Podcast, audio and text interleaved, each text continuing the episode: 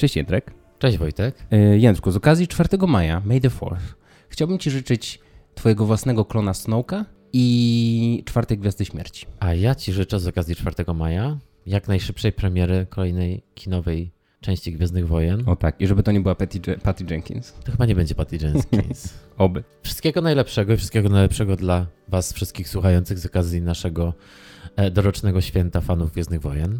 I z tej okazji mamy dla Was e, niespodziankę, e, czyli kolejny wywiad. Dzisiaj rozmawiamy z Jakubem Turkiewiczem, autorem książki Wojna Gwiazd, autorem książki i filmu Wojna Gwiazd, e, który możecie zobaczyć na YouTubie, a książkę wydaną przez Instytut Kultury Polskiej możecie kupić w księgarniach albo przez internet, czy gdzie tam chcecie. Tak, e, Jakub Turkiewicz z wykształcenia historyka, z zamiłowania fantasta, e, członek fandomu, e, osoba, która wykonała niesamowitą pracę, o czym opowie nam zaraz w wywiadzie, niesamowitą pracę archiwalną, odtwarzając, odtwarzając właśnie historię fandomu Gwiezdnych Wojen w, w PRL-u. E, bardzo, bardzo polecamy jego książkę Wojna Gwiazd. Ma wspaniałą okładkę, wydana właśnie przez Instytut Kultury Polskiej. Można na ich stronie E, nabyć egzemplarz, a... E, Naprawdę jest to, jest to dosyć niesamowita, niesamowita robota. Ja jestem świeżo po lekturze i, i tak jak mówię, wydawało mi się, że mm, chyba wiem wszystko o Gwiezdnych Wojnach i że z książki o polskim fandomie Gwiezdnych Wojen dowiem się tylko o polskim fandomie Gwiezdnych Wojen, ale tak naprawdę znajdziecie tam też dużo informacji o samych filmach, o tym jak zostawały wydawane, też jak wychodziły na przykład na VHS-ach w Stanach Zjednoczonych, co to jest za w ogóle szalona historia. E, lata 80. E, były szalone e, nie tylko w ogóle na świecie, ale też w fandomie. I to w fandomie amerykańskim i tym polskim, o którym do, do tego momentu niewiele wiedziałem. E, książkę też warto oczywiście przeczytać e, nie tylko ze względów e, merytorycznych, ale też dlatego, że jesteśmy tam testowani. Tak, to prawda. Wspomina się tam naszą starożytną pracę, książka. Dawno temu w Galaktyce Popularnej się nazywa książka. Tam kilka zdań napisaliśmy, no i też jesteśmy tu wspomniani, chciałem się pochwalić. Poza tym książka też jest wypełniona zdjęciami, zdjęciami artefaktów z PRL-u niesamowitych figurek, które powstawały w Polsce, takich pirackich figurek e, z Gwiezdnych Wojen. E, są też e, właśnie plakaty, fragmenty listów wysyłanych do, do pierwszych fanklubów Gwiezdnych Wojen. No naprawdę jest, jest, tu, jest tu olbrzymia jest to olbrzymia po prostu przyjemność ta książka, a tak jak powiedział Wojtek, ta książka okazała się w tym roku parę lat wcześniej wyszedł film Wojna Gwiazd, który powstał on... właśnie przy współpracy Jakuba z, z reżyserem Radosławem Salamończykiem. Ten film teraz jest dostępny na, na YouTubie, to jest konto Wojna Gwiazd. A teraz zapraszamy Was do odsłuchania naszej rozmowy z Jakubem Turkiewiczem. Cześć Jakubie, e, bardzo dziękujemy za, e, za spotkanie. Bardzo mi miło tutaj e, u Was wystąpić. No bo przecież y, troszeczkę się tutaj już znamy w pewien sposób, no bo ja też czytałem wasze teksty na temat Gwiezdnych Wojen.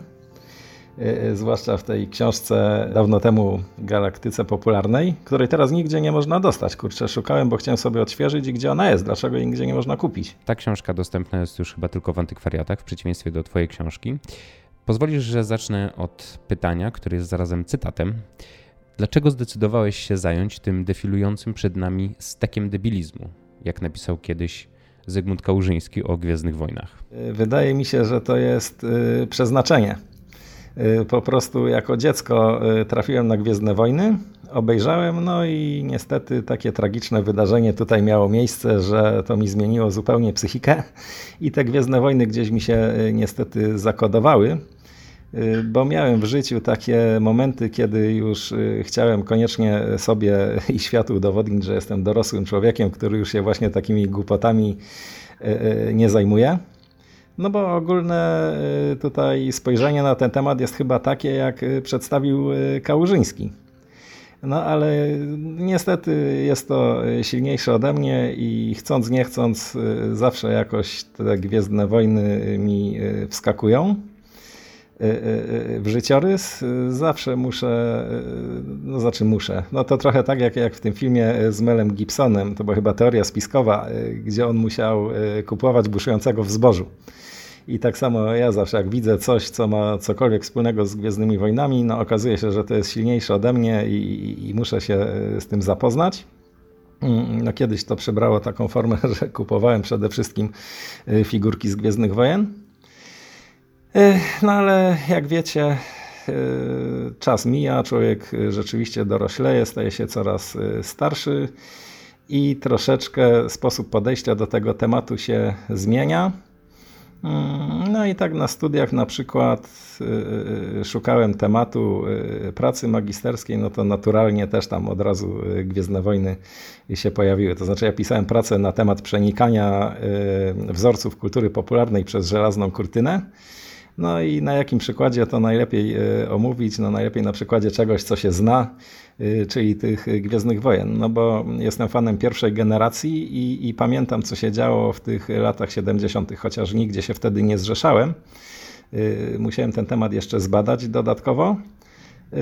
Natomiast pamiętam tą ogólną atmosferę i pamiętam fascynację tym tematem. No uważam też, że to jest bardzo ciekawa sprawa i może pomóc ogólnie e, w zrozumieniu świata i rzeczywistości, który, która powiedzmy jest kreowana, e, nie oszukujmy się, e, przez to, co się dzieje w kulturze popularnej, no bo to jest ten, to środowisko, w którym wszyscy dorastamy, bo przed kulturą popularną nie da się uciec. A te Gwiezdne Wojny to jest zjawisko tak olbrzymie i tak jakoś powiedzmy znaczące, że w tym małym wycinku w zasadzie wszystkie y, procesy zachodzące w popkulturze się objawiają i, i można jak w takim preparacie, powiedzmy pod mikroskopem, to sobie obejrzeć i, i, i jakieś wnioski już y, szersze wyciągnąć. No, tak sądzę. No, to będzie pewnie. No przede wszystkim tym powodem jest to, że, że jako dziecko na to trafiłem i, i to zrobiło na mnie wtedy tak y, olbrzymie wrażenie. Czyli ta e, kolejność e, powstawania, jeśli dobrze rozumiem, jest taka, że najpierw była praca magisterska, potem scenariusz, na koniec książka, czy, czy to się działo równolegle? Tutaj było inaczej. No, najpierw była tam wcześniej, no, zaczęło się od tego, znaczy w ogóle zaczęło się chyba od, e, od strony internetowej, albo bo rozumiem, że, że widzieliście książkę, zapoznaliście się z jej treścią. I tam na końcu są kolorowe ilustracje. I, I ostatni obrazek przedstawia e, gazetkę szkolną. Nie pamiętam z którego to tam roku. Imperium kontratakuje, kiedy wchodziła na ekran kin, chyba w 83. No czyli to jest gazetka szkolna z 83 e, roku i tam już wtedy próbowałem coś pisać. Yy, także. Yy, tak, jest, jest redaktor Jakub jest podpisany. 84. A 84. No właśnie, I, i coś tam próbowałem zawsze robić. Mm, później, e, kiedy pojawił się internet, e, próbowałem e, w internecie przedstawiać jakieś tam swoje spostrzeżenia na temat Gwiezdnych Wojen, jakieś opowiadania, pisałem coś takiego. Była moja strona. Mm, później tam ta strona się przekształcała z takiej powiedzmy humorystyczno-literackiej w pewien rodzaj wirtualnego muzeum, bo mm, poszukiwałem różnych gadżetów E, fotografowałem je lub skanowałem, umieszczałem tam, e, opisywałem. No i tak to też nie stawiałem sobie jakiegoś określonego celu, tylko po prostu no to jest temat, który mnie zajmuje, chłonę wiedzę na ten temat, a jak się chłonie wiedzę, to y, pojawia się w pewnym momencie też taka pokusa, żeby się tą wiedzą podzielić. No więc dzieliłem się nią na stronie y, internetowej. No, zauważyłem też takie zjawisko, że, że oczywiście jest wiele innych osób zafascynowanych trylogią Gwiezdnych Wojen, czy w ogóle całą sagą. I oni też dorastają w takim otoczeniu kulturowym, że no, podobnym do tego, w którym ja dorastałem, i, i dzięki temu jest jakoś się łatwiej porozumieć. Dobra, a później, no, tak jak mówię, na studiach ja troszeczkę później poszedłem na studia e, już zaocznie, bo e, no, taka droga życiowa właśnie, że, że, że najpierw zająłem się pracą i innymi historiami. I właśnie wtedy usiłowałem najbardziej udawać, że, że nie mam tego wewnętrznego dziecka w sobie i że Gwiezdne Wojny mnie nie interesują. Rozdałem e, jakimś dzieciakom e, swoje figurki, rozdałem swoje gadżety, a potem oczywiście pojawiło się sanie straszne, bo człowiek zaczyna nagle żałować e, takich spektakularnych gestów. I, i, I, później te gadżety na przykład gromadziłem. No w pewnym momencie było dosyć łatwo, bo na Allegro to się pojawiało i to w całkiem niskich cenach. No teraz czasy się zmieniły niestety, bo okazało się, że, że, że na zachodzie także to wszystko jest poszukiwane. Tam ci zagraniczni kolekcjonerzy znaleźli Allegro, no i teraz coś takiego znaleźć i kupić w rozsądnej cenie jest bardzo trudno, no ale ja to zrobiłem w dobrym momencie i tak jak mówię, y, opisywałem. No tak, bo twoja strona właśnie funkcjonuje jak takie muzeum po prostu tych, tych wszystkich y, artefaktów, prawda? Ona już jest niestety porzucona, nie zajmuje się tym, no ale jak widać cały czas coś próbuje robić. No była ta praca magisterska później, później parę lat było spokoju, ale w pewnym momencie postanowiłem to rozwinąć. No i tak naprawdę książkę napisałem wcześniej. Ta książka już była gotowa y, ładne parę lat temu. E, rozesłałem ją do wydawnictw i cisza, niestety. E, no a ja czułem takie parcie na, no nie wiem na co, na papier czy na, na szkło się okazało ostatecznie, czy na ekran, że nie, po prostu, po prostu chciałem, ta, ta, ta wiedza kipiała, chciała mi tam wyciekać nosem i uszami. I też się tak szczęśliwie złożyło, że akurat zgłosił się do mnie ten kolega Radek Salamończyk, Y, który jest młodszy o wiele i on wychował się między innymi na tej mojej stronie Star Warsy. Także stamtąd mnie znał i wpadł na taki pomysł, żeby zrealizować film. Mm, to była chyba jego praca y, dyplomowa. Y, I on miał taki zamysł, żeby to był taki krótki, 20-minutowy, może półgodzinny film, który miał być po prostu rozmową ze mną. No ale ja już zgromadziłem. Nie wyszło. No bo ja zgromadziłem tyle informacji, że chciałem koniecznie y, wszystkie przedstawić i jakoś tak od słowa do słowa, no troszeczkę z pewnymi oporami, bo jednak y, każdy z nas walczył o swoją y, koncepcję. No ale ostatecznie zrealizowaliśmy ten film, no bo ja też wtedy postanowiłem troszeczkę jeszcze pogłębić tą wiedzę, skontaktować się z tymi ludźmi, o, o których pisałem. No i pojeździliśmy sobie troszeczkę po Polsce, odwiedziliśmy Katowice, Brzeg i inne miejsca i tam e, zdobyliśmy kolejną wiedzę, poszerzyliśmy ją, e, nagraliśmy ciekawe materiały. No i tak oto powstał ten film no, na bazie mojego scenariusza, ale to nie był taki scenariusz w tym znaczeniu takim ścisłym, tylko no po prostu jak, jakiś to był plan, prawda?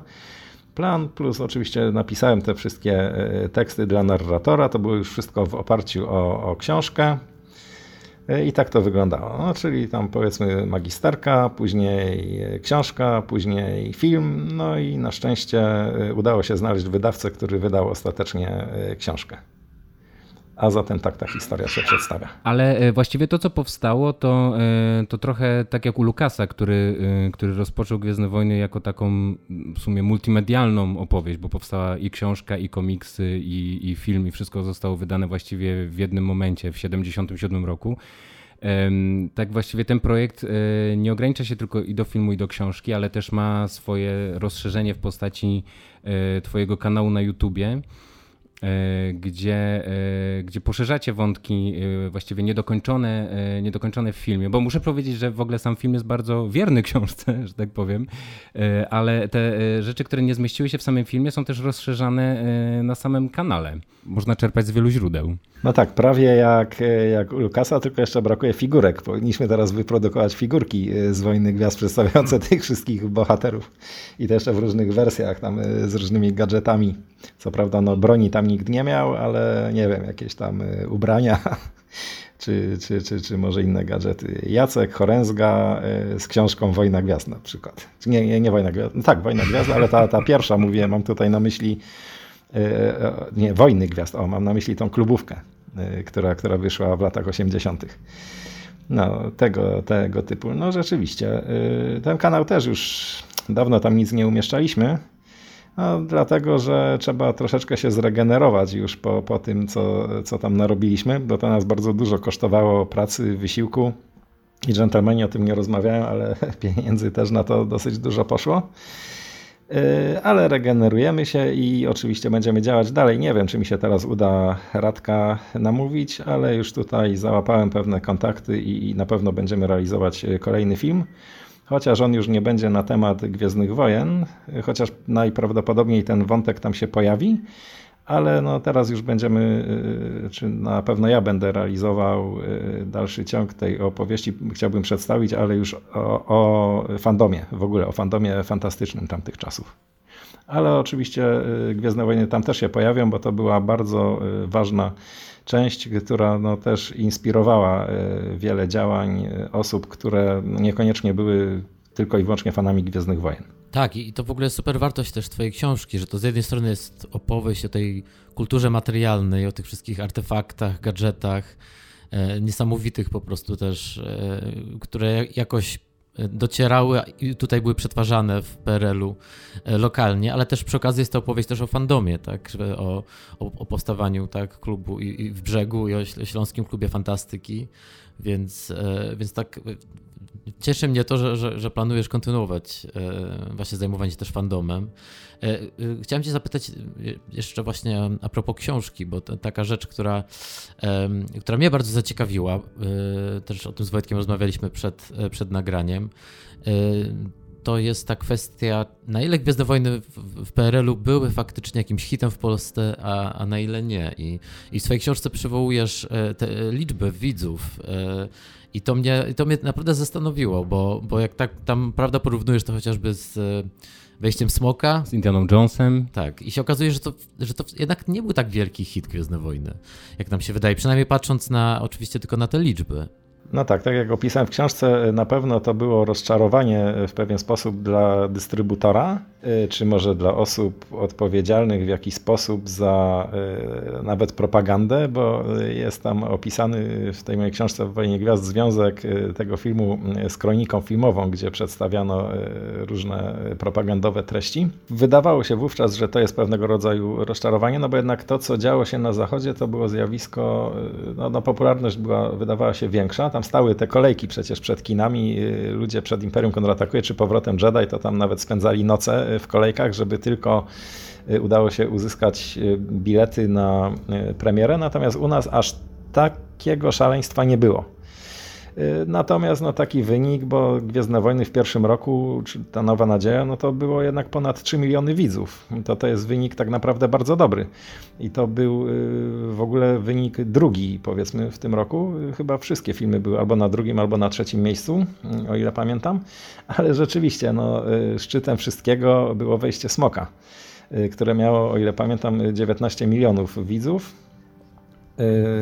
Ale Y, no to też okoliczności się na to składały, bo jednak wejście Smoka weszło w 1982 roku, czyli w tym roku stanu wojennego, który no, zaczął się w 1981, no, ale w grudniu.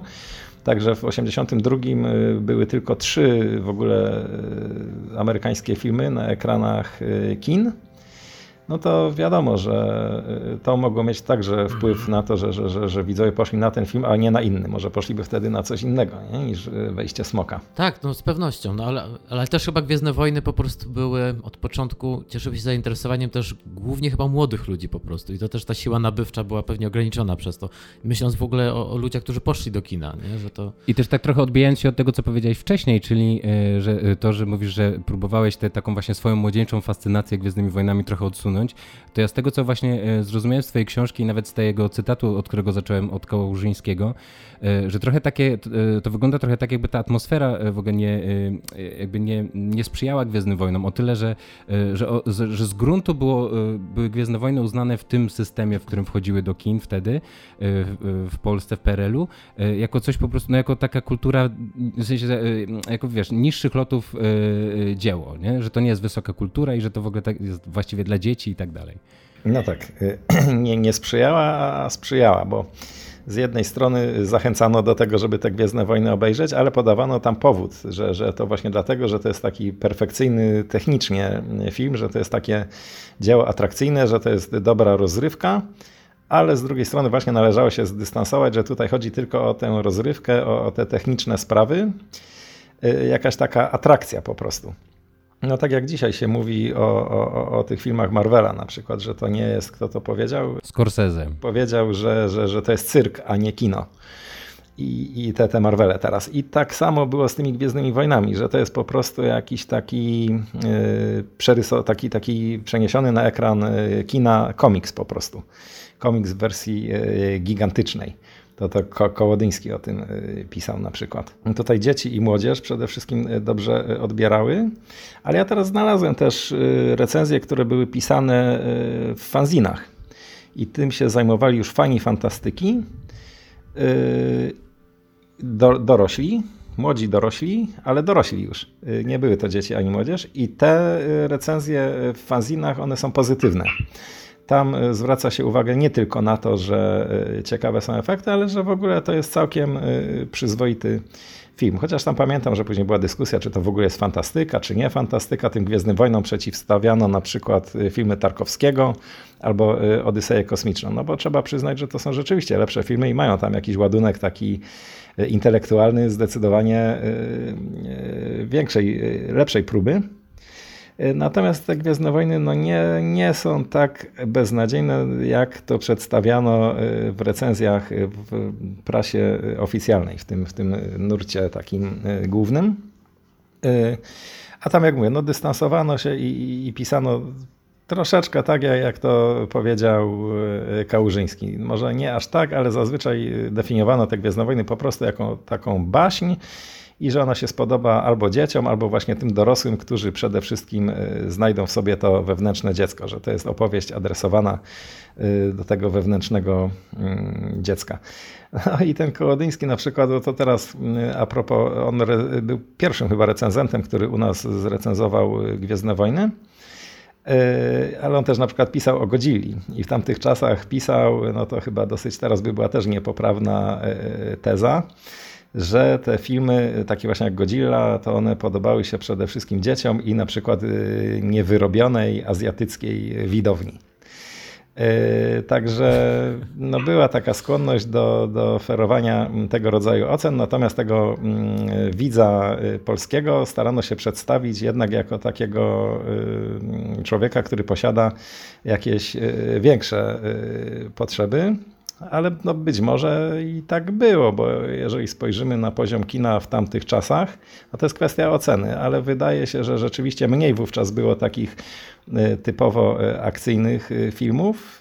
Gdzieś tam chyba więcej treści starano się wtedy w filmach przedstawić. Ta akcja, akcja toczyła się wolniej na przykład, no nie stawiano aż na takie atrakcje wizualne. I być może właśnie Gwiezdne Wojny miały wpływ na to, że to się jednak zmieniło teraz. Y, po prostu zauważono, że, że to one widza przyciągają, tego masowego. I prawdopodobnie dlatego właśnie y, na tego konia y, postawiono ogólnie w tej chwili w kulturze popularnej. No ja odnoszę takie wrażenie, że tak w tej chwili jest. No i też wiesz, ta praca, którą wykonałeś przygotowując książkę i film, tak, jakby dogrzebania się do, do, do tej fanowskiej twórczości, do tych listów, do tych pierwszych klubów zakładanych, do tych yy, właśnie tych wymienianych próśb o, o fotosy i tak dalej. To też jest wszystko, yy, to też pokazuje, jak to chwyciło inaczej, tak, że to Oczywiście to też była część fandomu fantastyki, duża część, prawda, osób, które się zaangażowały w, w Gwiezdne Wojny tak e, bardziej niż jako zwykli widzowie, no ale jednocześnie, no jednocześnie ten film coś sobie takiego miał, że ta chęć, tak, posiadanie tych fotosów, ty też e, e, w książce też jest sporo właśnie reprodukcji, w sensie zdjęć tych, tych materiałów wycinanych, kompletowanych w zeszytach. Bardzo mi się też spodobało to, na co zwróciłeś uwagę w książce, o czym nie pomyślałem nigdy, że, że, przez, tak, że w PRL-u y, po pierwsze oczywiście te filmy wchodziły z opóźnieniem, no ale po drugie y, no nie była, była jednak duża trudność, żeby je oglądać. My, y, będąc tym drugim pokoleniem powiedzmy już gwiazdnych, e, fanów Gwiezdnych Wojen, jesteśmy przyzwyczajeni, że mieliśmy je na kasetach VHS i po prostu zajeżdżaliśmy te kasety, a ty fajnie piszesz o tym w książce, że, że, że to pierwsze właśnie pokolenie musiało tak bardzo pamięcią się posługiwać, że, że, te, że jakby ta potrzeba posiadania tych fotosów też się z tego brała, że no, nie, nie, nie mogliście tego filmu e, e, oglądać w kółko, tak jak, tak jak późniejsze pokolenia. I to też wydaje mi się po prostu fascynujące, ta, ta pamięć e, i ta potrzeba, żeby tą pamięć podsycać e, tymi wszystkimi materiałami. I wyobraźnia. E, no jest taki motyw w filmie i też w książce opisany, że na przykład ci fani z brzegu poprosili zaprzyjaźnionego operatora kinowego, żeby im zgrał ścieżkę dźwiękową i on im zgrał ścieżkę dźwiękową, a oni mieli fotosy i później sobie e, oglądali te fotosy, odsłuchując e, ścieżkę dźwiękową i tam wyobraźnia pracowała i oni sobie wyobrażali po prostu, że oglądają film. Tak, ale też wspomniałeś o czymś bardzo ciekawym, też w jednym właśnie z tych takich do, e, dodatków, które są u ciebie na, na kanale, kiedy obejrzałeś Gwiezdne Wojny, które zostały w 89 roku puszczone z okazji Śmigusa Dyngusa, tak, Wielki Poniedziałek, że to, to zderzenie z Gwiezdnymi Wojnami puszczonymi w telewizji w mniejszej wersji, na małym ekranie i też skropowane, bo do tej wersji 4 4 na 3 tak jak mówiłeś, dosyć niechlujnie e, przygotowanej, e, że to był już po tym, jak, e, jak po latach po prostu posługiwaliście się tak naprawdę wspomnieniem filmu, który właśnie wysłuchiwaliście go, znaliście go z, ze zdjęć i tak dalej, że to był w pewnym, w pewnym sensie zawód. Rzeczywiście, ale też no, nie tylko z tego powodu, że ten film tak naprawdę był gorszy niż my pamiętaliśmy, ale dlatego, że on właśnie został w taki sposób potraktowany, że jednak przycięto y, część ekranu i nie było widać niektórych rzeczy. No dla mnie to było na przykład, pamiętam wtedy bolesne, że nie zauważyłem AT-AT y, drivera, tych kierowców, tych maszyn kroczących. Bo to są świetne postaci, bardzo ładnie wyglądają, bo no, ta wizualna część jest bardzo ważna.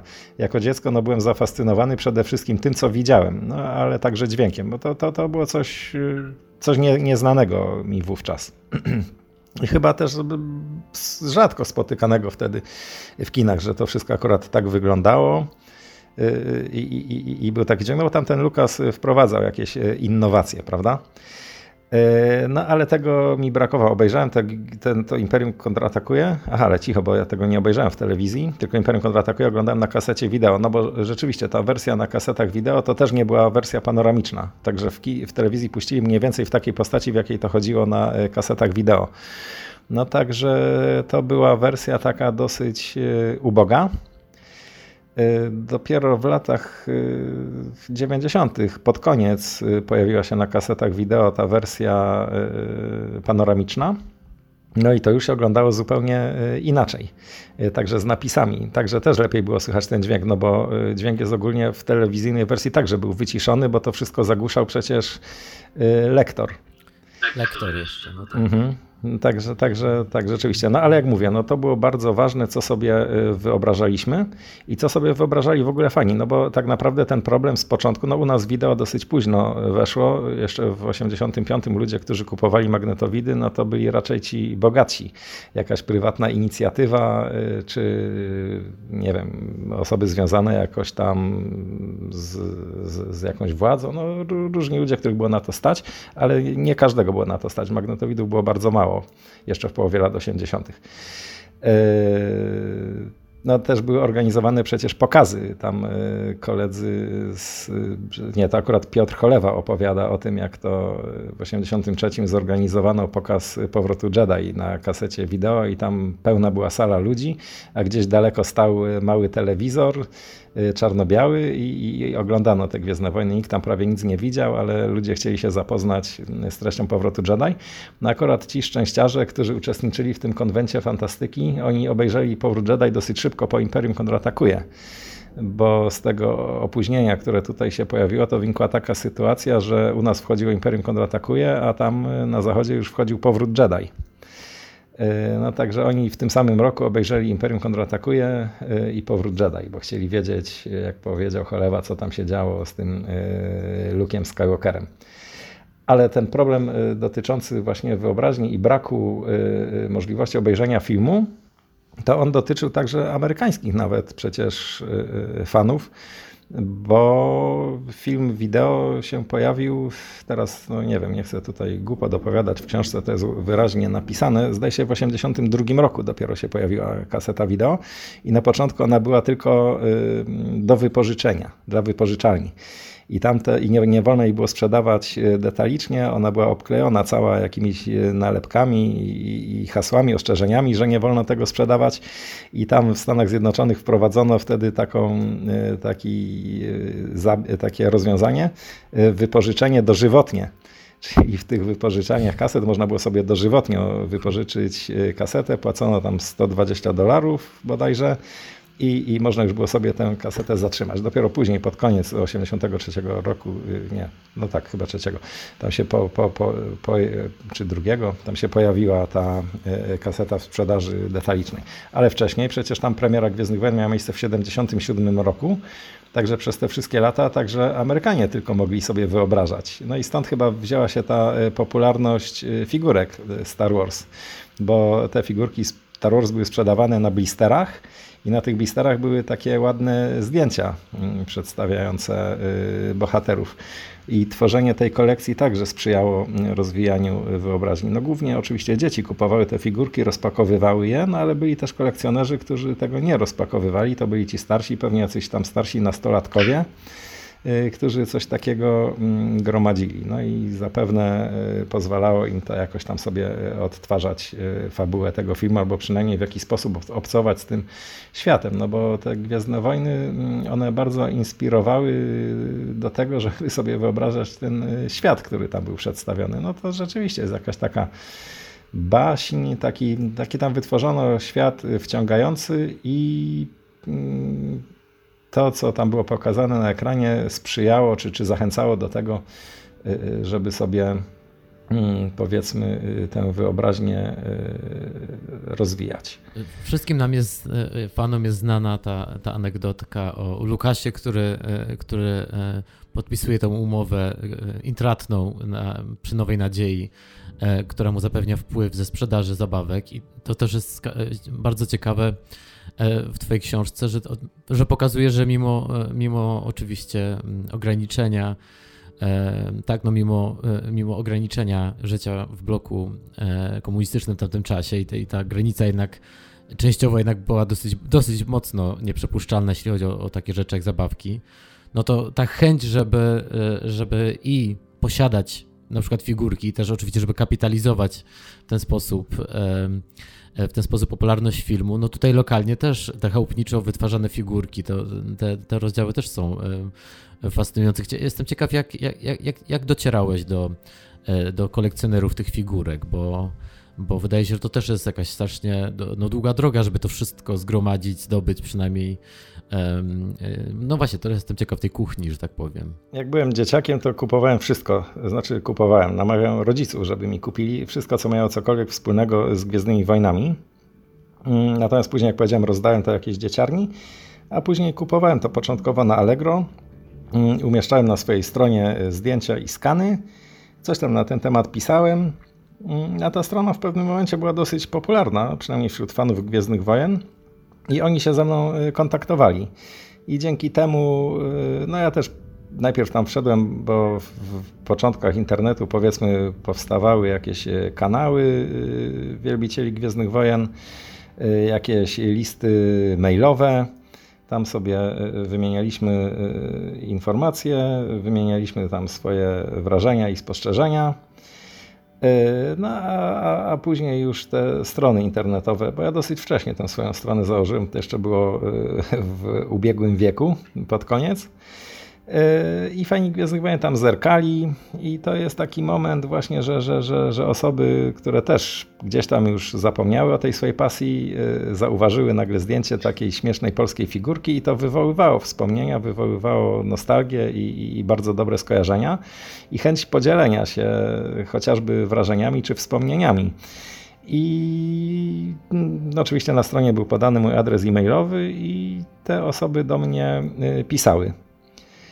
E, także no, w ten sposób, to, to, to wszystko dzięki stronie, e, dzięki swojej stronie poznałem e, Jakuba Burzyńskiego na przykład, który występuje w filmie i, i w tej chwili jest posiadaczem no, najpełniejszej chyba kolekcji w Polsce. No w pewnym momencie ja byłem także takim kolekcjonerem, bo miałem taki mm, odczuwałem potrzebę zgromadzenia pełnej kolekcji figurek zagranicznych, tych figurek Kennera, które były produkowane w latach 70. i 80., ponieważ jako dziecko bardzo marzyłem o tym, żeby je mieć, a no nie było to możliwe wówczas, bo no, nie dosyć, że one nie były u nas dostępne to jeszcze e, nawet osoby, które wyjeżdżały na zachód i mogły je sprowadzić, no to e, oczywiście nie zainwestowałyby takich pieniędzy, bo była taka różnica pomiędzy, pomiędzy wartością e, waluty tej zachodniej, czy to marki, czy guldeny, czy dolary. Taka, taka, taki był przelicznik, że no naprawdę na, na takie trzy figurki z Gwiezdnych Wojen to w Polsce było trzeba wówczas pracować cały miesiąc. Także no, taką traumę też przeżyłem jako dziecko, bo pojechałem z rodzicami y, do RFN-u. Y, to był chyba 84 rok. I tam zauważyłem w sklepie y, całą masę figurek z Gwiezdnych Wojen i wydawało mi się, że one są tanie, bo kosztowały 7. To było 7 marek oczywiście a w Polsce to one kosztowały, no ile pamiętam, 120 zł, czy jakoś tak. No i pomyślałem, że jak tutaj kosztują 120, a tutaj 7, to o rany, jakie tanie. Załadowałem. Rodzice gdzieś tam poszli, chodzili po sklepie, szukali czegoś innego, a ja stanąłem przy stanowisku z zabawkami, poleciałem po kosz i naładowałem. Załadowałem ten kosz cały figurkami z Gwiezdnych Wojen. Tam pobiegłem do rodziców i mówię, patrzcie, patrzcie, tutaj są figurki z Gwiezdnych Wojen i takie tanie. Załadowałem cały kosz. No i wtedy mi tam ojciec uzmysłowił, że 7-7, ale to jest 7 marek i czy ty człowieku w ogóle wiesz, ile czasu ja bym musiał na to pracować? No i tam wtedy strasznie cierpiałem, że nie mogę tego mieć. No ale e, ostatecznie udało się i trzy figurki przywiozłem e, do Polski, bo ojciec wtedy e, znalazł pracę w Holandii. Posiedzieliśmy tam miesiąc i na koniec już przed samym powrotem kupili mi te trzy figurki Wejdera. Y, szturmowca i skauta tego już z powrotu Jedi. I kurczę, no to, to, to nie potrafię opisać, jak ja czułem wtedy szczęście. Y, to, to było dla mnie coś y, bardzo ważnego. Ja pamiętam ze swojego dzieciństwa też pierwszą figurkę, to była figurka już Hasbro, to był szturmowiec po prostu, taki zwyczajny szturmowiec. I pamiętam, że to w jakimś konkursie gwiezdnowojennym wygrałem w Poznaniu, w, chyba to była wyborcza poznańska. I no, i no, no pamiętam do dziś po prostu, bo to była ta to pierwsza zdobyć, nie? Tak, i to po prostu no, pozostanie ze mną do, do końca życia oczywiście do wspomnienia. No właśnie, bo to też było jeszcze w czasach, kiedy y, nie za bardzo w internecie wiedziałem jak to znaleźć, bo to były jakieś początki internetu, chyba 96 rok. Y, I też jeszcze nie miałem żadnych kenerów, z wyjątkiem tych trzech, y, które tam kiedyś w tych 80 latach wczesnych otrzymałem. I też wracałem sobie do domu z pracy, nie wiem, co mnie podkusiło, żeby wejść do sklepu zabawkarskiego. Patrzę, są figurki z Gwiezdnych Wojen. Inne niż te, które pamiętałem, bo to były te Hasbro. No ale też y, od razu kupiłem. I przyniosłem do domu po prostu wszystkie, jakie tutaj były. One już nie były po 7, co prawda, ale ja już wtedy pracowałem, miałem swoje pieniądze, mogłem sobie to kupić i ku zdziwieniu żony, prawda, przyniosłem to do domu. No na szczęście nie kazała mi iść i tego y, zwracać. A już miałem wtedy syna bardzo małego, no to nazywało się, że to jest dla niego. Czytając twoją książkę, e, pomyślałem, że uchwyciłeś w ogóle bardzo ciekawy moment z tym, mm, z tym kolekcjonerstwem z lat 80. E, i właśnie z tym takim odgrywaniem scen e, z filmu za pomocą, za pomocą figurek, ale też właśnie jakby kontynuowaniu tych historii, które w filmach widzieliśmy, bo wtedy, no wiadomo, były tylko trzy i trzeba było jakoś te historie mm, dalej w swojej głowie toczyć. I myślę, że taki, e, to, e, pomyślałem o tym w kontekście tego, jak dzisiaj e, tłumaczą się twórcy nowych Gwiezdnych Wojen ze swoich decyzji dotyczących na przykład seriali. I John Favreau opowiadając o tym, jak powstawał serial na przykład The Book of Boba Fett, mówi, że to, że to jest właściwie kontynuacja tej, tej takiej dziecięcej zabawy mm, tymi zabawkami. myślę, że ten serial jest w ogóle takim takim emblematycznym pod tym względem wydarzeniem właśnie w Gwiezdnych Wojnach, bo trochę, e, bo on trochę jakby, nie, on, on się nie zajmuje za bardzo toczeniem dalej tej historii gwiezdnowojennej, tylko opowiada coś zupełnie z boku i taką zmyśloną historię Boba Fetta, która wygląda bardzo. I my mieliśmy z Jędrkiem bardzo takie odczucie oglądając ten serial, e, wygląda właśnie jak taka zabawa zabawkami z dzieciństwa, taka beztroska po prostu, wręcz, e, wręcz głupawa chwilami, ale, ale, ale podszyta taką dużą radością. Ja tak to postrzegam, że jacyś ludzie po prostu, którzy się chyba bawili figurkami, zwłaszcza po tym ostatnim odcinku, yy, ostatniej jak na razie serii yy, tego, tego Mandalorianina, nie? No z tym rankorem.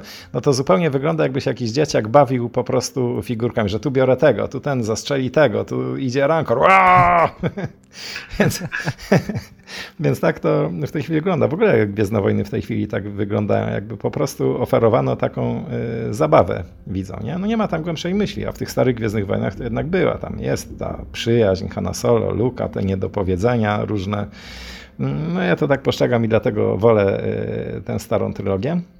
Mm, jak mówię, ja e, zgromadziłem w końcu te wszystkie figurki Kenera. E, a to też dzięki temu, że, że, że na Allegro wtedy tanio można było kupić polskie figurki, a zachodni kolekcjonerzy bardzo chętnie się wymieniali za na przykład jedną polską figurkę można było otrzymać kilka figurek zagranicznych, nie? Także z dosyć dużą łatwością ja y, tę kolekcję zgromadziłem, natomiast ja nie mam sentymentu do polskich figurek.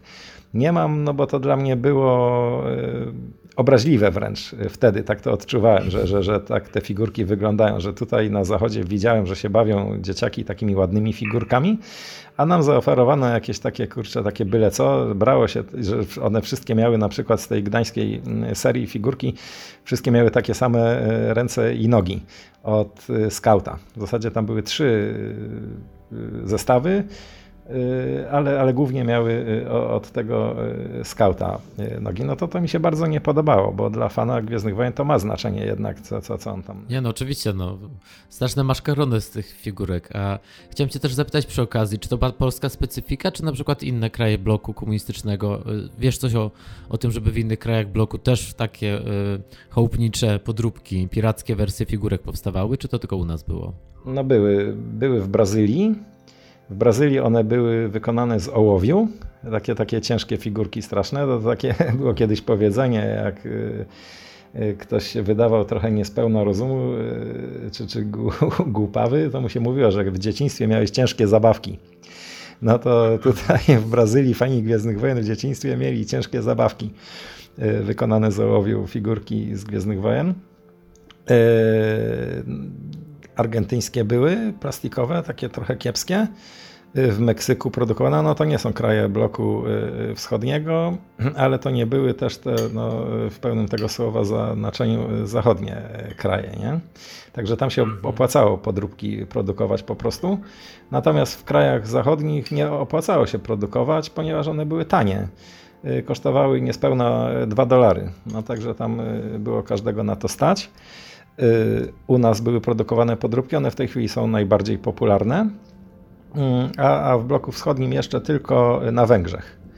W ogóle ciekawe, że na Węgrzech y, było dostępnych kilka figurek oryginalnych kenerowskich, no i były też podróbki i te podróbki były bardzo ładne.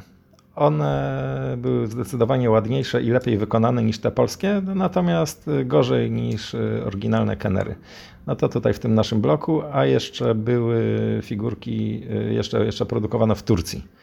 I, I, te tureckie to są chyba najrzadsze. One się też cieszą dużą popularnością w tej chwili wśród kolekcjonerów i osiągają naprawdę y, bardzo wysokie ceny. Y, no bo ja z racji tego, że, że, że prowadziłem tę stronę, mam liczne znajomości wśród kolekcjonerów y, z całego świata. No bo tak jak mówię, między innymi wymieniałem się figurkami.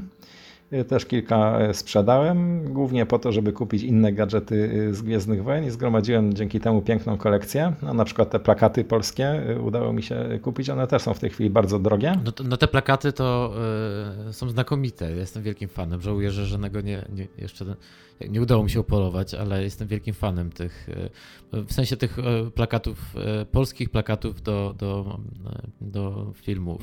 Ja mam jeden z tych plakatów w takiej wersji małej jako magnes na lodówkę e, i z twojej książki dowiedziałem się e, no, fascynującej rzeczy, że e, to jest plakat, to jest ten drugi plakat do Imperium Kontratakuje, który został wypuszczony przez chyba łódzką, wy, łódzką firmę dystrybuującą, tak? I, ta, I z twojej książki dowiedziałem się, że ten plakat był tylko dla Łodzi, Płocka i chyba yy, Kutna. w ogóle jakiś taki bardzo, bardzo mały zasięg dla jednego plakatu tak wielkiego filmu. No, regionalny. No ale w ogóle tam wtedy tych plakatów nie potrafiliśmy docenić, No ja też, bardzo mi się podobały te plakaty zachodnie, amerykańskie, a one były w zasadzie wszędzie, we wszystkich krajach, gdzie dystrybuowano Gwiezdne Wojny, no to była ta sama grafika, tam były małe różnice napisy były inne na przykład w innych językach, w jakichś krajach tam Lando na przykład nie był pokazany, prawdopodobnie z powodu koloru skóry. Takie, takie niewielkie różnice, no, no, no pełno tego było. A tymczasem te polskie one są bardzo oryginalne, one są artystycznie tutaj no, satysfakcjonujące. No, bardzo, bardzo, bardzo mi się podobają, bo chyba w ogóle ich wartość jakaś tam artystyczna jest. Chociaż też y, sami twórcy no, podchodzili do tego y, bez jakiejś tam wielkiej y, czci. No bo Jakub Erro się wypowiadał na ten temat, że po prostu tam stworzył ten plakat w dwa dni, wziął zdjęcie, wyretuszował, prysnął farbą i gotowe. Widać, że też nie podchodził do tego szczególnie mm, uważnie, no bo popełnił tam błąd i zamiast Alec Guinness jest napisane Aleo Guinness. E, przy plakacie z Imperium kontratakuje jest napisane e, Irwin Werschner zamiast Irwin Kershner. A też e, tego z początku nie zauważyłem, na to mi ktoś dopiero zwrócił uwagę, kiedy pokazaliśmy film, że nazwisko Marquanda też jest źle napisane, że zamiast Marquand jest napisane Makłand. Także no, pomylono się na każdym plakacie. No i też taką anegdotę tam przytaczam, zarówno w filmie, jak i w książce, że, że, że później, kiedy się ukazywały karty TOPS, to przekręcono z kolei nazwisko Erola i napisano Frol. Jest to przepiękna sprawiedliwość yy, dziejowa. dziejowa. No właśnie. E, no także tego się nie doceniało, teraz się docenia i tak samo troszeczkę jest z tymi polskimi ludzikami. Na pewno one są w tej chwili bardzo doceniane na zachodzie, bo była ograniczona ilość tych figurek Kenera, tam zależy jak liczyć, bo był Han Solo z małą głową, Han Solo z dużą głową, Boba Fett z paskami na rękach albo z kropkami. To są takie prawdziwe artefakty, bo ograniczona ich jest liczba, pochodzą, tak, tak historia egzotyczna z jakiegoś komunistycznego kraju. E, myślę, tak, i zresztą też... właśnie docenione, e, docenione, tak jak mówisz, czy na karcie TOPS, e, czy na Celebration. czy właśnie na Celebration w postaci tego medalu, gdzie, gdzie doceniono te figurki, a na przykład właśnie ten polski plakat z powrotu Jedi pamiętam, że był umieszczony w tym pierwszym, pierwszym wydaniu DVD e, nowej trylogii, w sensie starej trylogii.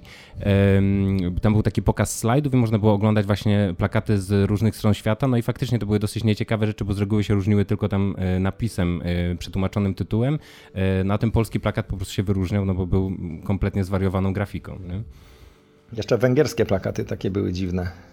Tak. Y, też jakaś grafika jeszcze, jeszcze bardziej szalona niż na tych y, polskich. No chociaż nie wiem, w przypadku Imperium kontratakuje, tutaj polskiego to też w zasadzie nie wiadomo co to jest, jakaś głowa. Y, no można przypuszczać, że to no, mógłby być Luke Skywalker na przykład, czy jakiś tam pilot rebeliacki, ale też historia z tym jest taka, że to jest przerobiony plakat po prostu z testu pilota Pirksa. Tylko, że tam jeszcze dłoń była chyba tego pilota, która tak wskazywała osobę oglądającą ten plakat i zdaje się, że nie było tego paska odliczania 10, 9, 8, coś tam, y, co, co jest na plakacie z Imperium kontratakuje. No także tego nie doceniano, ale tak jak mówię, teraz to jest doceniane, zwłaszcza na zachodzie, bo było 107 mniej więcej tych y, ludzików zagranicznych, no tą kolekcję można zgromadzić, zwłaszcza jeżeli jest się y, zachodnim kolekcjonerem, bo, bo, bo stać tych ludzi na to. Nas w zasadzie też stać, ale czasami no, niektóre pojedyncze figurki kosztują na przykład 300 dolarów, no to już jest pewien wydatek. No to nie każdy ma ochotę tyle pieniędzy wydawać. E, ale, ale no na zachodzie to nie jest aż taka duża kwota, że, że, żeby to była jakaś tam trudność, więc ci ludzie to mm, gromadzą i po kompletowaniu tego zestawu z tych 107 czy tam nawet 120, kiedy się weźmie jakieś tam różne warianty, no to, to, to, to, to, to pozostaje pustka. A kolekcjonerzy tak mają, że, że, że chcieliby gromadzić dalej. No i oni potem już poszukują tych polskich. No i tutaj jakie ceny w tej chwili te polskie figurki osiągają, to jest coś yy, nieprawdopodobnego, kurczę.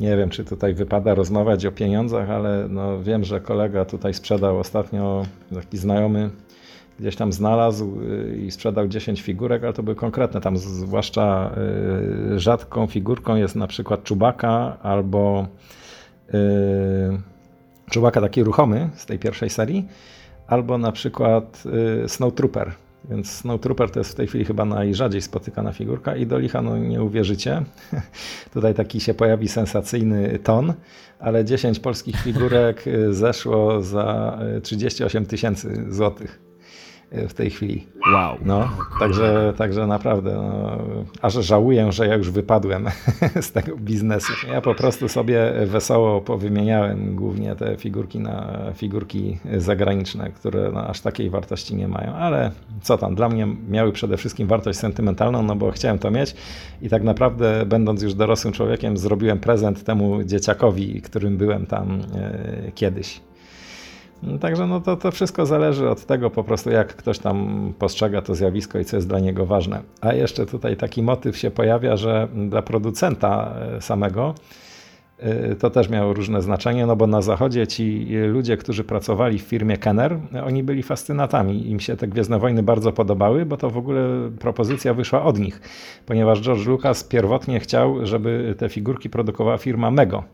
I przed premierą Gwiezdnych Wojen on się zgłosił w ogóle na targach do firmy Mego i tam nikt z nim nie chciał rozmawiać.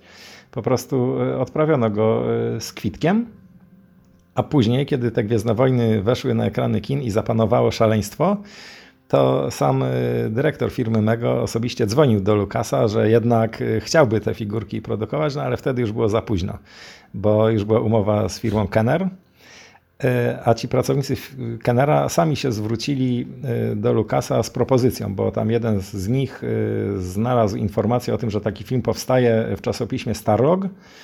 On był zafascynowany wcześniejszą produkcją Lukasa, czyli tym THX 1138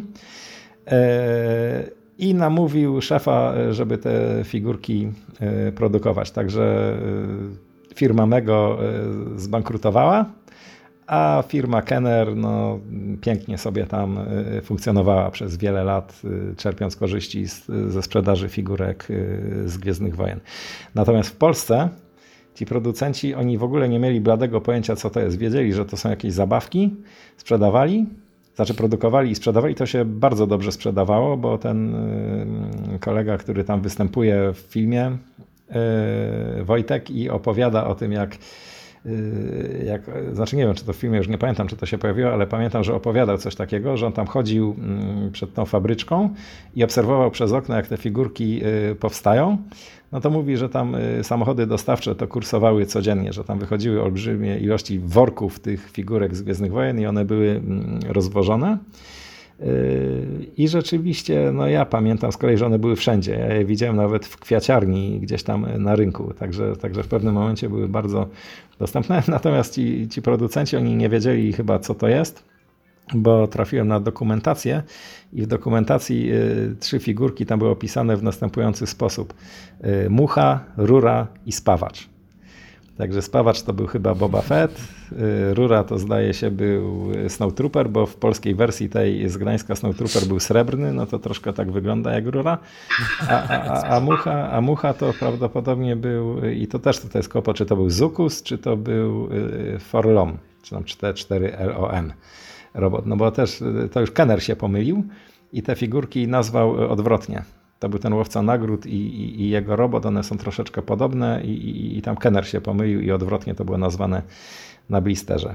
No ale w każdym razie ci ludzie w Kennerze mieli pojęcie co robią, a, a, ci nasi y, producenci nie za bardzo. Jednak dla fanów no to nie miało większego znaczenia, bo to jednak figurki z Gwiezdnych Wojen, czyli wielka radość dla, dla fana. No słuchaj, ja jednak zaryzykuję stwierdzenie, że y, jednak pasjonatki y, pracowały przy tworzeniu tych polskich figurek, bo właśnie też nie pamiętam, czy to w książce, czy w filmie było, ale e, tam pada takie hasło, że malowały to, e, że te figurki malowały w tej fabryce panie w niebieskich fartuchach że one miały co prawda jakieś zdjęcia takie referencyjne, jak to ma wyglądać, jak to ma być pomalowane, ale że, że, on, że one chciały przede wszystkim, żeby to ładnie pomalować.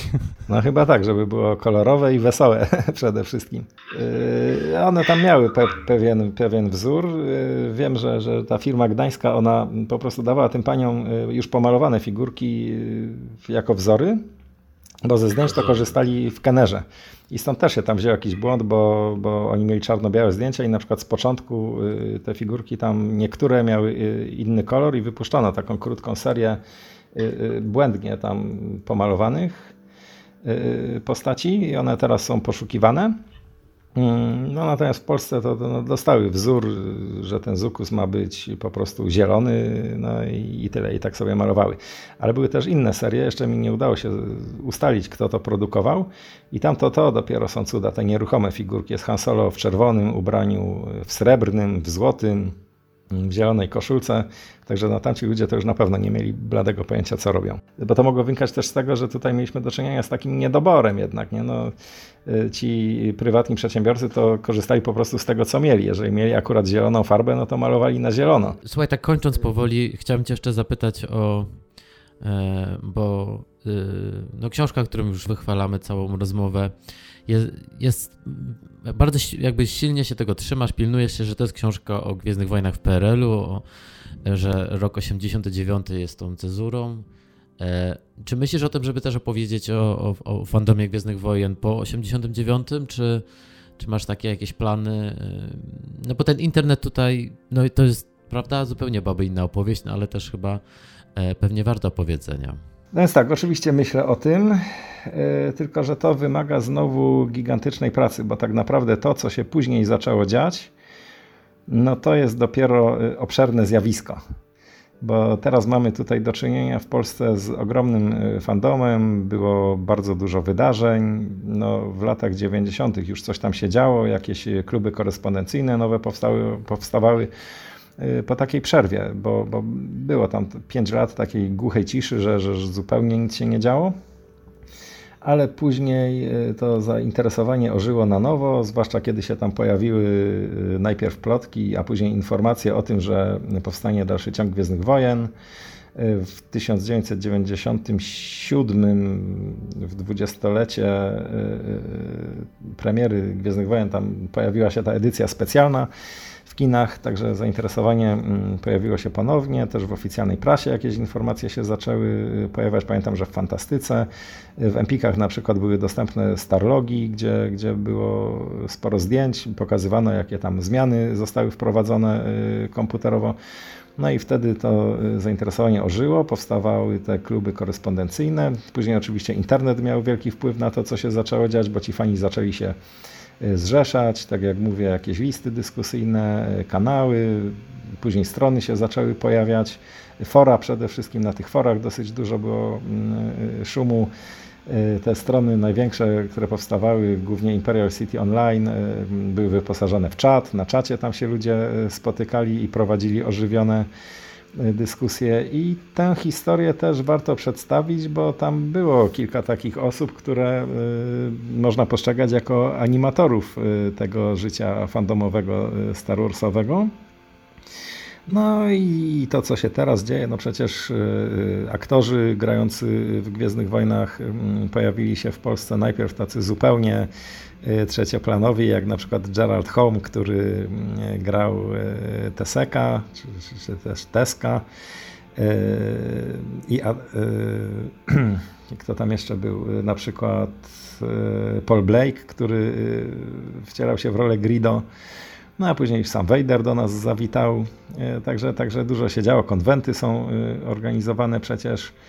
E, no wokół strony Bastion, tam się ci wszyscy fani teraz e, skupiają, no także się dzieje dużo i też warto na ten temat e, napisać, warto to zbadać, no ale właśnie jak mówię, no ja bym to musiał teraz, oczywiście uczestniczyłem w tym w jakiś tam sposób i śledziłem, ale warto to zbadać, no trzeba znowu przeprowadzić rozmowy z tymi wszystkimi ludźmi, trzeba to jakoś tam gdzieś osadzić w jakimś kontekście, Także dużo pracy przede mną i ja to sobie zaplanowałem na troszeczkę później. Najpierw chcę napisać, no bo ja y, historię ukończyłem i po prostu cały czas ten PRL jest mi najbliższy. Chcę zobaczyć jeszcze, co tam się działo. Y, chcę najpierw opisać po prostu to życie fandomowe w ogóle, fandomu mm, fantastycznego. Także jak mhm. to zrobię, z tym się uporam, bo tam już zacząłem pisać cztery rozdziały, już mam. Mhm. Będę też e, realizował film. E, jak to zrobię, to się wezmę na pewno, za, jeżeli e, nie umrę. za lata 90. No to słuchaj, trzymamy kciuki w takim razie. No ja dziękuję, że tym się zainteresowaliście, bo to właśnie e, po to jest. Może was to inspiruje do jakichś dalszych badań albo do, do, do snucia jakichś tutaj rozważań, do, do jakiejś refleksji, prawda, humanistycznej, głębszej. No bardzo się cieszę, dziękuję, że przeczytaliście i, że tutaj mm, popularyzujecie w pewien sposób też teraz. Może kogoś to zainteresuje, może ktoś zechce zapoznać się z treścią tej książki albo chociaż obejrzeć film, który jest dostępny w tej chwili na YouTubie. No myślę, że warto, bo tu nawet nie chodzi o to, co ja zrobiłem, ale ta historia sama w sobie jest warta poznania. No i, i, te osoby, które występują w filmie, także przecież bardzo ciekawie to wszystko opowiadają. Dla mnie słuchanie ich opowieści było fascynujące i jest y, fascynujące nadal. Tutaj jeszcze powrócę do tego wątku, że my na tym kanale umieściliśmy trochę więcej filmików, nie tylko ten, ten film główny Wojna mhm. Gwiazd, no bo my nagraliśmy tam, nie wiem, z 15 godzin materiału, a film trwa 90 minut. Także jeszcze, jeszcze coś tam mamy, no i pewnie jeszcze będziemy umieszczać, bo, bo jak mówię, to są opowieści bardzo fascynujące i to wszystko, co się wtedy działo, jest z pewnością warte uwagi. Także, także zachęcam do poznawania tej historii, no bo jako fani Gwiezdnych Wojen to przecież musimy znać swoje korzenie i musimy wiedzieć e, skąd idziemy, żeby się zastanowić dokąd zmierzamy, prawda? Jasne, my też e, oczywiście jeszcze raz zachęcamy wszystkie osoby, które nas słuchają e, do tego, żeby zapoznały się z twoją książką i, e, i z twoim kanałem na YouTubie, czyli, czyli z twoim filmem i wszystkimi dodatkowymi e, materiałami, które tam umieściłeś. E, a za dzisiejszą rozmowę bardzo, bardzo dziękujemy. No i ja dziękuję bardzo.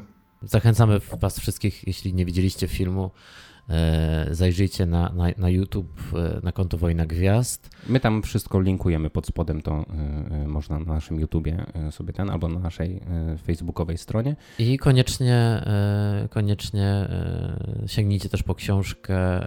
Myślę, że Wszyscy jako fani, jako fanów Gwiezdnych Wojen musimy być wdzięczni bardzo Jakubowi za pracę, którą wykonał i za to, że ta książka też jest po prostu bardzo przyjemną, e, przyjemną lekturą. To jest książka... Bo to książka o was. Książka o was, o nas. I o nas. Książka populary, popularyzująca e, Gwiezdne Wojny. Mm, no i właśnie, no, opowiadająca kawał tej historii początków e, tego naszego świata i środowiska, w którym funkcjonujemy do dziś. Historii, która najwyraźniej się nigdy nie skończy, ponieważ e, już za co trzy tygodnie e, rusza serial Obi-Wan Kenobi. 27 mm, maja e, premierę mają dwa pierwsze odcinki, o których będziemy oczywiście rozmawiać na kanale. Mm, no i e, do usłyszenia wtedy. A nie wspominaliśmy jeszcze o tym, ale już 14 czerwca e, rusza e, polska wersja Disney Plus, więc ci, którzy do dzisiaj czują się pominięci i nie, nie mogli oglądać seriali, o których rozmawialiśmy wcześniej, albo nie będą mogli ogląda oglądać pierwszych odcinków Obi-Wana Kenobiego, od 14 czerwca wszyscy będą mogli dołączyć do zabawy i wtedy możecie się cofnąć i wysłuchać wszystkich naszych odcinków o Mandalorianinie, o Wojnach Klonów, o The Bad Batch i o e, The Book of Boba Fett, czy już teraz właściwie o księdze Boba Fetta. E, wszystko już teraz będzie spolszczone. Przez cały czas się zastanawiam, czy e, The Bad Batch będzie parszywą zgrają, ale chyba tak. Mm, no więc co, do usłyszenia 27 maja. We have spoken. We have spoken.